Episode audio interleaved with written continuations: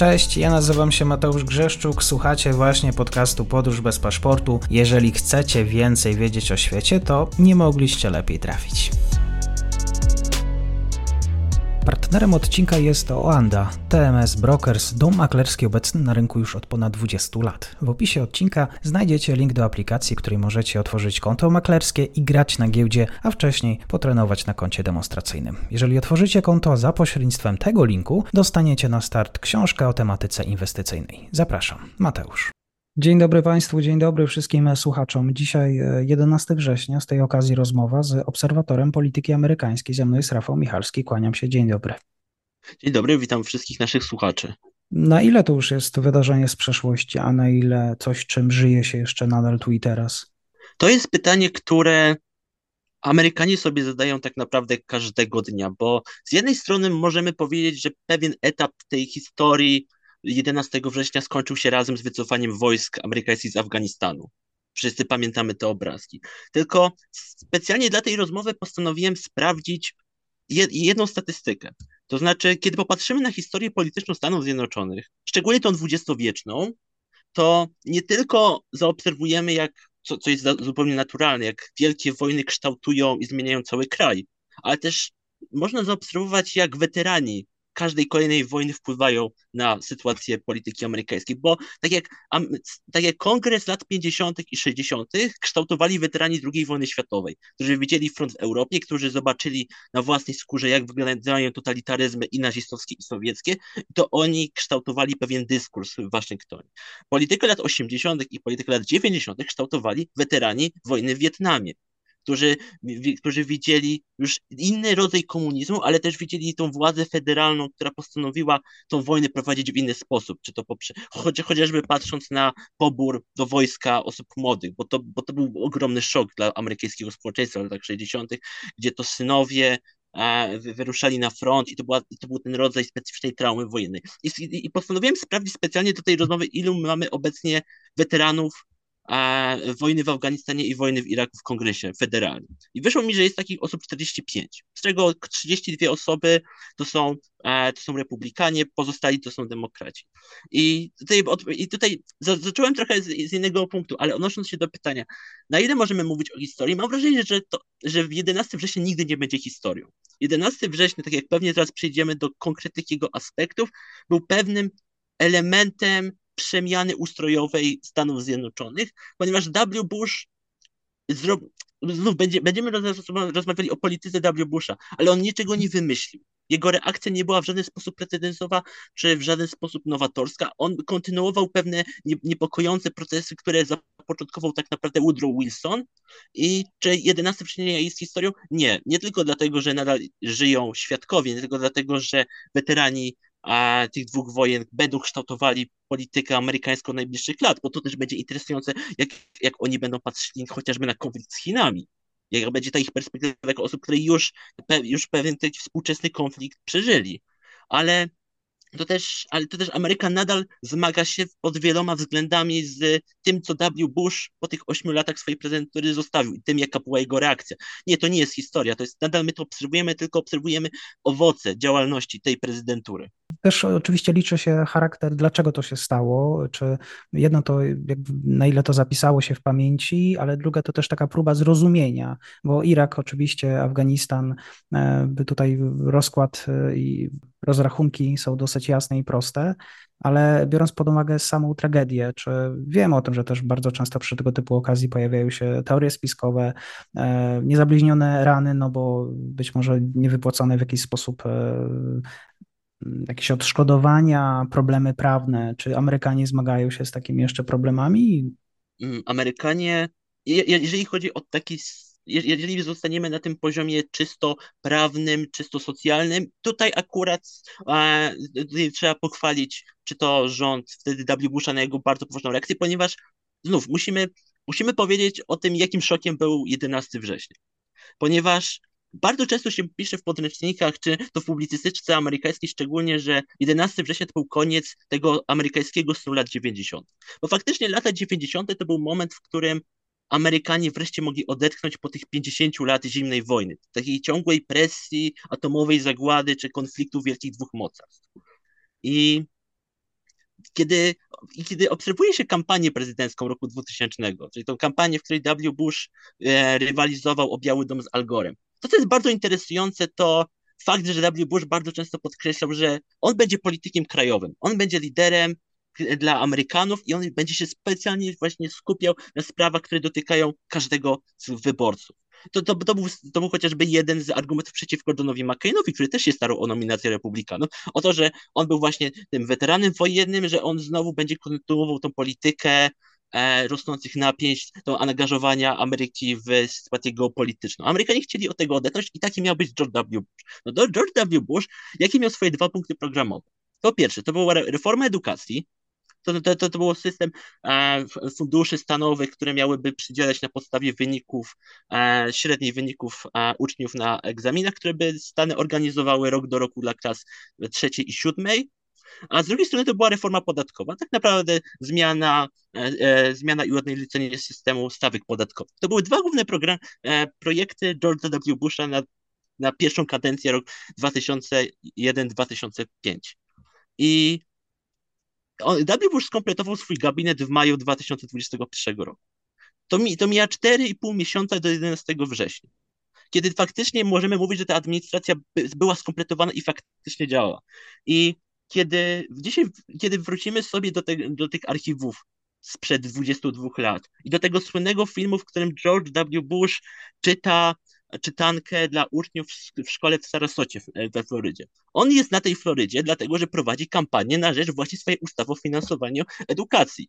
To, to, miała, to, miała, to była szkoła, która była lokalnie znana przez przyjmowanie uczniów z mniejszości rasowych, z mniejszości etnicznych i tam George W. Bush jeździł po tych szkołach po całej Ameryce, żeby właśnie pokazywać, że te jego reformy to nie tylko będzie wsparcie najbogatszych, najlepiej dysponowanych szkół, ale także to będzie szans dla tych szkół, które mają ambitnych, młodych uczniów z mniejszości. I kiedy George W. Bush tego dnia usłyszał, że e, pierwszy samolot uderzył w wieżę World Trade Center, on już wtedy wiedział, że jego, że to, co działo się dotychczas, nie ma znaczenia, że jego prezydentura będzie wyglądała zupełnie inaczej. I on był na to zupełnie nieprzygotowany. To inna sprawa, bo właśnie był, miał być politykiem do spraw krajowych, ale po drugie Ameryka nie była na to przygotowana, bo dość powiedzieć na to, że dopiero od 2002 roku Waszyngton zaczął inwestować w rozbudowę szpitali na wypadek klęsk żywiołowych czy ataków terrorystycznych, bo do tego czasu takiego funduszu nie było. A drugi raz, kiedy Waszyngton zaczął je finansować, to były czasy tak naprawdę pandemii COVID-19 w roku 2020. Tutaj to była sprawa e, braku prawa imigracyjnego, e, albo inaczej może dziurawego prawa imigracyjnego. Znów nie było przygotowane 11 września uzmysłowym Amerykanom, że tutaj też są braki. Więc kiedy więc kiedy myślimy, czy te rany, rany nie zostały zagryzione, bo znów mówimy tutaj o tysiącach ofiar, mówimy tutaj o przerażając, o tak naprawdę jednym z najstraszniejszych ataków na ziemię amerykańskie, bo możemy mówić Pearl Harbor, możemy mówić 1812 rok, może niektórzy szukają analogii, czy chociażby atak na Kapitol, że to był atak na amerykańską demokrację, ale mówimy tutaj o masowym ataku na na ludność cywilną w Nowym Jorku, na, na, na tym takim kulturowym, popkulturowym centrum rozwoju przedsiębiorczości, ale też tego American Dream.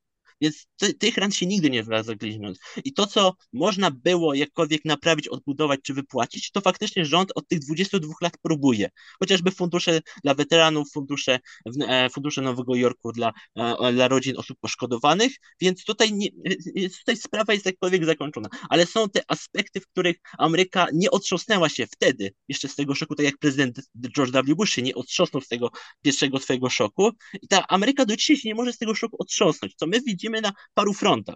Odpowiedz mi jeszcze, proszę, y, pod kątem prawnym, y, czy tutaj zakończyło się już śledztwo, wyniki, czy to już jest sprawa zamknięta? E, śledztwo kongresu e, znów. To jest, to, to jest bardzo podchwytliwe pytanie. Tak, śledztwo, fakt, te, te główne śledztwo, które, które były, bo, bo, inaczej. Główne śledztwa, które były prowadzone, czy to z jednej strony przez Komisję Kongresową, z drugiej strony przez służby wywiadu, bo one mimo wszystko badały nieco z innych perspektyw, zakończyły się.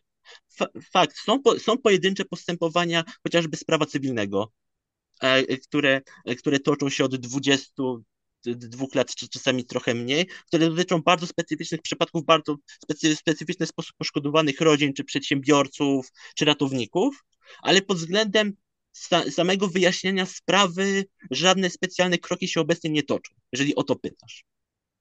To jest, to, to, to, to jest na tym, tym głównym poziomie badania jest to sprawa zakończona, chociaż fakt, to, toczą się oczywiście sprawy w pojedynczych kwestiach, chociażby e, pojedyncze, dotyczące pojedynczych osób zaangażowanych w działalność terrorystyczną, które, o, które od tego 2001 roku badają CIA, ale na tym głównym poziomie tak sprawa jest zakończona. Lekcje po 11 września? Faktycznie możemy znaleźć bardzo wiele dokumentów, bardzo wiele seriali, bardzo wiele reportaży, źródeł, archiwów dokumentów, ale są dwie kwestie, w których mam wrażenie, że o których pisze się mało, a które są bardzo uniwersalnie istotne, a, a, a, które możemy zaobserwować właśnie z tego przypadku amerykańskiego 11 września 2001 roku.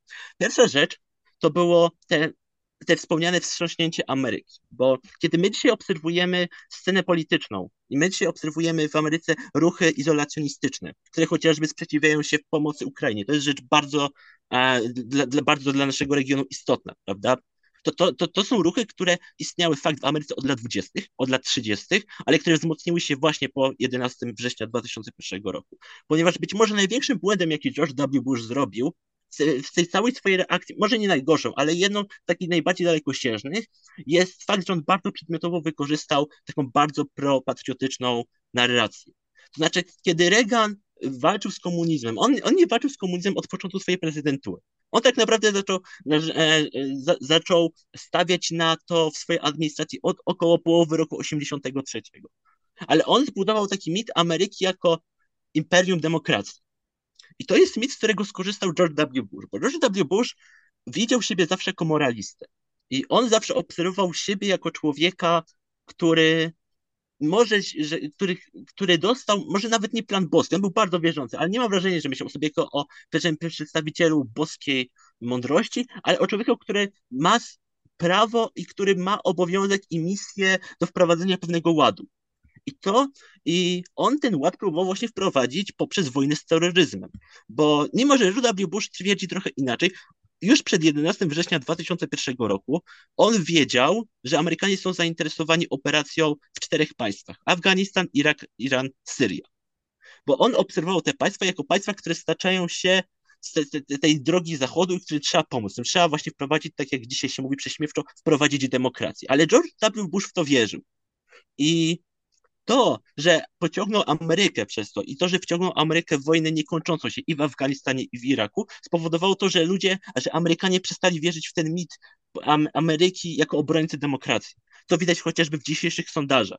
To widać w tym, że dzisiaj, że, że dzisiaj Amerykanie, jak pamiętają o wojnie w Iraku, to pamiętają chociażby fałszywe twierdzenia wymuszone przez Biały Dom na CIA o istnieniu broni masowego rażenia na terenie Iraku właśnie nie, nie było prawdą, ale Amerykanie mają ten obraz w głowie i gdy dzisiaj słuchamy e, przedstawicieli ruchów izolacjonistycznych, to oni właśnie się do tego odnoszą, że wojna współczesna to jest moment, w którym władza federalna próbuje zagarnąć dla siebie kolejny element władzy, który próbuje swoje te ręce e, władzy, odbierania wolności rozszczepić na kolejne elementy życia jednostki, bo przecież Patriot Act który był jednym z najbardziej kontrowersyjnych konstytucyjnie aktów w historii Stanów Zjednoczonych.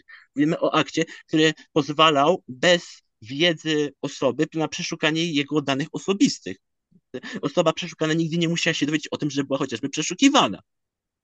E, więc tak, więc to jest, więc dlatego te dzisiejsze takie wpływy antyukraińskie, antyprorosyjskie mogą mieć też e, swoje korzenie i mają korzenie w tym, że Amerykanie zrazili się do tego imperium demokracji, bo widzą imperium demokracji jako imperium, które nie wprowadza demokracji, tylko chce rozszerzyć swoją mesjanistyczną wiarę, mimo że wprowadza zamęt. To jest pierwsza rzecz, którą chciałem powiedzieć. A druga rzecz to jest to, dlaczego, to, to, jest, to jest wątek, który jest bardzo interesujący i który też jest dla nas bardzo ważną nauczką, ponieważ drugim błędem, jaki George W. Bush popełnił i który później popełniał i Barack Obama i Donald Trump, to była personifikacja władzy wykonawczej, ponieważ Biały Dom George'a W. Busha nie tylko był nieprzygotowany na 11 września, bo nie było czasu, było 4,5 miesiąca, nie dlatego, że, e, że e, zignorowali część danych wywiadowczych, które przekazała im administracja Clintona, Administracja George'a W. Busha była nieprzygotowana, dlatego że była bardzo wewnętrznie podzielona. Ponieważ W. Bush, jako znów moralista, ufał tylko osobom, które podzielały jego taką mesjanistyczną wiarę w Imperium Amerykańskie.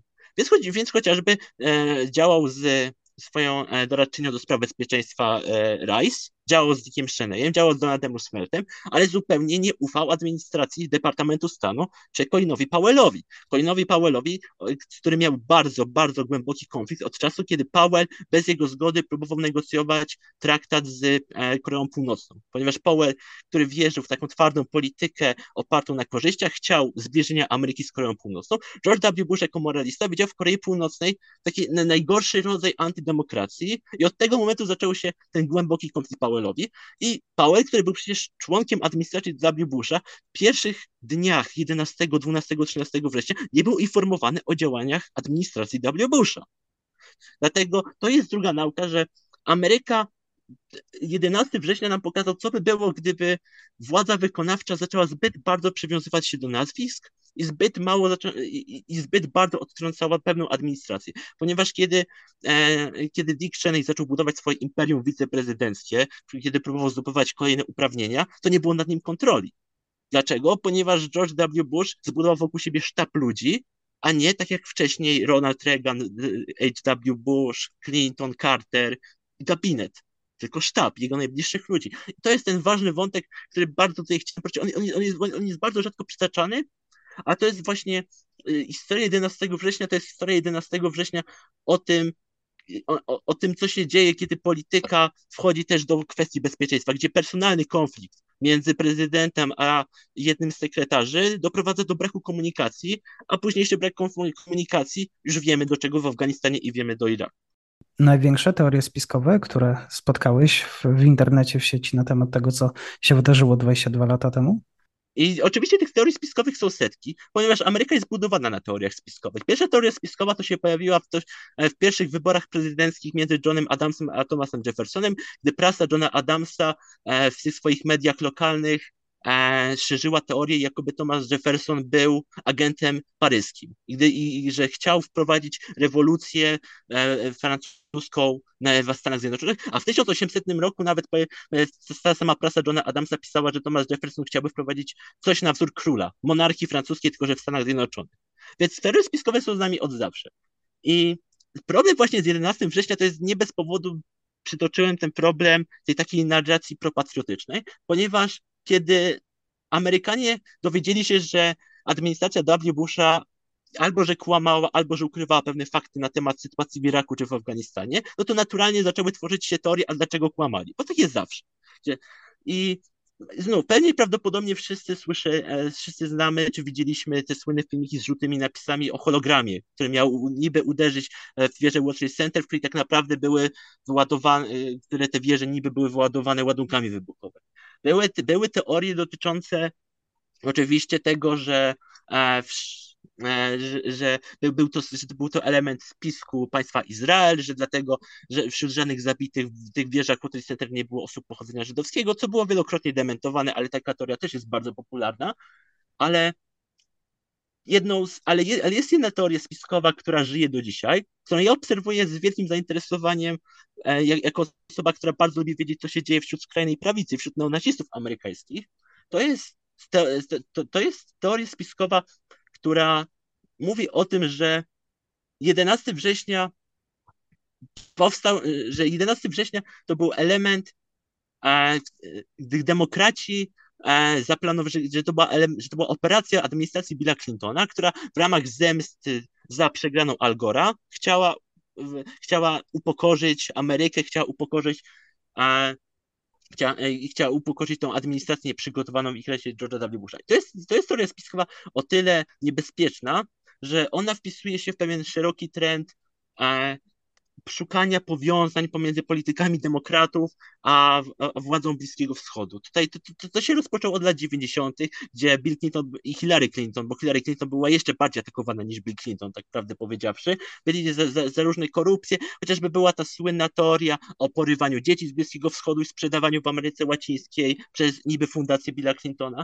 ale to jest jedna teoria spiskowa, która mam wrażenie, że żyje do dzisiaj wśród kręgach neonazistowskich. To jest ta, że, to, że 11 września to był plan, w którym Bill Clinton chciał, że Bill Clinton z władzą z Afganistanem, nawet nie z Bin Ladenem, tylko z rządem Afganistanu, chciał e, e, upokorzyć Amerykę, zaatakować George'a W. Busha, bo bo jak oni sobie to tłumaczą, że przecież Joe Biden, dlaczego w taki sposób wyglądało wyjście z Afganistanu? No dlatego, że Biden był współpracownikiem Billa Clintona, no i e, no, no, no, no i dogadali się, że e, Amerykanie wychodzą, a talibowie przyjmują władzę w Afganistanie. Znów, możemy mówić o tym z przekąsem, ale mówimy nadal o wielkiej tragedii, o jednym z największych, najtragiczniejszych zamachów terrorystycznych w historii Stanów Zjednoczonych. Mówimy o tysiącach ofiar, mówimy o dziesiątkach tysięcy traum, tragicznych historii.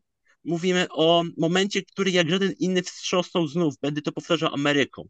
I teorie spiskowe i, I, teorie spiskowe, można się z nich śmiać, ale zawsze trzeba sobie zadawać pytanie, dlaczego one powstają, z jakiego powodu. Dlaczego ludzie na tyle nie ufają władzy, że postanawiają wymyślić sobie alternatywne uniwersum, do którego ich czarno-białe postrzeganie świata będzie pasować? Ja mam wrażenie, że to jest właśnie, wszystko się sprowadza do tego W. Busha, do tego jednego kłamstwa o misji Ameryki. Mhm. Które jest, które jest największym kłamstwem George'a W. Busha, być może najtragiczniejszym kłamstwem i tym kłamstwem, z którym my żyjemy do dzisiaj. Bardzo dziękuję za ten komentarz. E, Rafał Michalski, kłaniam się. Do usłyszenia. No a Państwu dziękuję, jak zawsze. Dziękuję. I to już koniec na dzisiaj. Zapraszam na profil podcastu Podróż bez paszportu na Facebooku, Instagramie i Twitterze. Zachęcam też do wsparcia mojej pracy na serwisie Patronite oraz Buy Coffee. Do usłyszenia.